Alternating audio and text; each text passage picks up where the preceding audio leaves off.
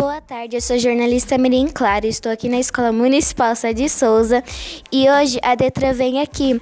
E hoje a gente veio, é, recebeu uma pessoa muito especial. Qual é o seu nome? Fabiana Andrade. É, qual que é o seu serviço lá? Eu trabalho no Detran e hoje eu estou coordenadora do programa Vida no Trânsito. A gente pode fazer algumas perguntas para você? Por favor. A primeira pergunta É, quais são os serviços que a Detran oferece? É, ótima pergunta. Então, assim, na verdade, o Detran hoje, ele é responsável por toda a parte de educação de trânsito do estado do Paraná. Ele é responsável por emissões de documento. Então, quais são os documentos que o Detran emite? Carteira Nacional de Habilitação e também os documentos para veículo. Então, é o licenciamento e o documento de compra e venda. E nós também somos responsáveis pelas vistorias da frota do Estado, do, dos veículos. Então, se o veículo está em boa conservação, essa, esse tipo de coisa. É, agora eu vou passar para a jornalista Mirim Natalie e, é, e agora ela vai fazer algumas perguntas para você. boa tarde, me chamo Nathalie, sou do Quinto B. Qual é o maior motivo dos motoristas ficarem em alta velocidade no trânsito? Então, é, essa eu acho que é a grande pergunta, né? Por que, que as pessoas não têm medo de andar rápido? Então, eu acredito que porque elas, elas têm uma falsa sensação de segurança. elas não associam ainda as infrações de trânsito, porque andar em alta velocidade é uma infração de trânsito.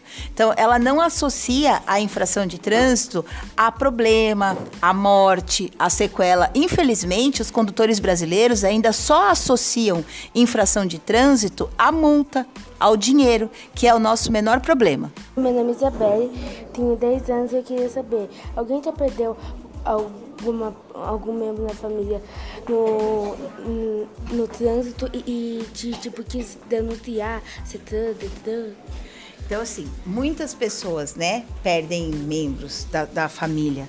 É, a questão da denúncia, porque, assim, todo acidente de trânsito, ele envolve a polícia. Então, sempre que tiver algum problema no trânsito, para nós, para o Detran, a pessoa certa a ser procurada é a Polícia Militar. Olá, meu nome é Diogo e tenho uma pergunta. É, já teve algum acidente de trânsito envolvendo sua família? Já. Infelizmente, há dois meses atrás, eu perdi um compadre, eu perdi o pai do meu compadre, eu perdi o sogro do meu compadre e a minha filhada já está na terceira cirurgia por causa de um acidente que teve em Francisco Beltrão, onde o motorista, que era da minha família, ele foi jogado contra uma carreta. Ele estava tudo certo, todo mundo de cinto, mas infelizmente, por causa da velocidade do acidente, porque era numa rodovia, três pessoas acabaram falecendo e a minha a filhadinha tá aí na terceira cirurgia, tá andando, graças a Deus, mas tá tendo alguns probleminhas ainda. Oi, eu sou. Meu nome é Manuele e eu queria perguntar uma coisa para você. Essa é uma pergunta da prof. Elizabeth, só que ela não pode comparecer.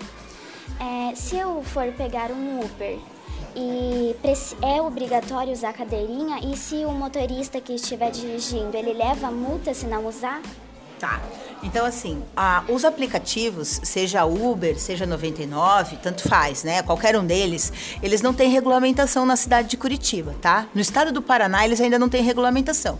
Por que, que eu tô falando isso? Porque se você tiver dentro de um táxi, nós temos uma lei que desobriga o taxista do equipamento obrigatório, mas isso não vale para os aplicativos, tá? Então, ele seria multado se, se o agente de trânsito perceber essa situação de uma criança sem o equipamento obrigatório, ele vai autuar o motorista, sim. Eu sou o Igor, eu vou fazer uma pergunta. Para que serve o cinto de segurança? O cinto de segurança, é, no século 20 ele foi um dispositivo para garantir a vida de quem sofre algum tipo de emergência no trânsito. Aliás, no meu entendimento, ele é o melhor dispositivo para salvaguardar a vida do ser humano. porque na moto não tem cinto de segurança? São dois. Na verdade, já existe, sabia? É, um cinto de segurança para motocicleta é internacional, não tem aqui no Brasil. É, mas, é, assim, a própria, a própria comunidade de trânsito ela está um pouco dividida. Por quê? Porque quando você tem um, uma situação de emergência com motocicleta, muitos motociclistas eles foram treinados a aprender a cair. Então eles pulam da motocicleta. Quando você vê motoboy, motofretista, né, que tá o dia inteiro ali com a moto e tal, é, eles aprendem a cair de uma maneira mais segura, então eles se machucam menos.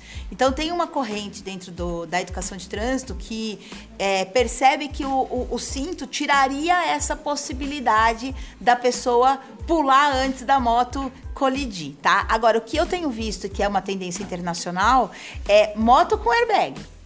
Isso é, e o airbag, na verdade, ele é como se fosse um colete salva-vidas. E ele fica preso à motocicleta. Quando tem a situação de emergência, ele solta e infla, explode como o airbag do carro, protegendo principalmente a parte torácica aqui do motociclista. Oi, eu sou o Guilherme. Eu queria perguntar se o Brasil é o maior estado que tem acidentes ou tem outro? Então, o Brasil, de acordo com a ONU, Nós tivemos uma pesquisa em 2010 e feita pela Bloomberg, tá? Foi aí que saiu inclusive o projeto Vida no Trânsito, ele vem desta época e ele foi considerado o quinto país que mais mata no mundo. Por isso, inclusive, que nós temos o projeto Vida no Trânsito instaurado pela ONU aqui, porque eles escolheram os 10 países que mais matam. Então, nós temos a China que está na nossa frente, nós temos a Rússia, a Índia, e aí fica entre o Brasil e o México aí essa disputa terrível de quem mata mais. Por enquanto, somos o quinto país. Oi, o meu nome é Paula e eu queria saber é, quantas pessoas morrem por, morrem por dia no acidente de trânsito. No Brasil, né? Muito boa a sua pergunta. É, infelizmente, nós temos hoje o um número aí de 220 e a 230 e pessoas morrendo todos os dias no nosso país, vítima diretamente de trauma. É como se fosse um avião caindo todos os dias no nosso país. Qual é o recado que você tem para as pessoas que estão te ouvindo? Olha, eu acho que hoje o que a gente tem de mais importante para falar no trânsito é tenha, tenha respeito Porque se você. Tudo que você tem respeito, você é, ajuda, você acolhe, você não faz errado, porque você respeita. Então, se você respeitar as pessoas, com certeza você vai respeitar as leis de trânsito.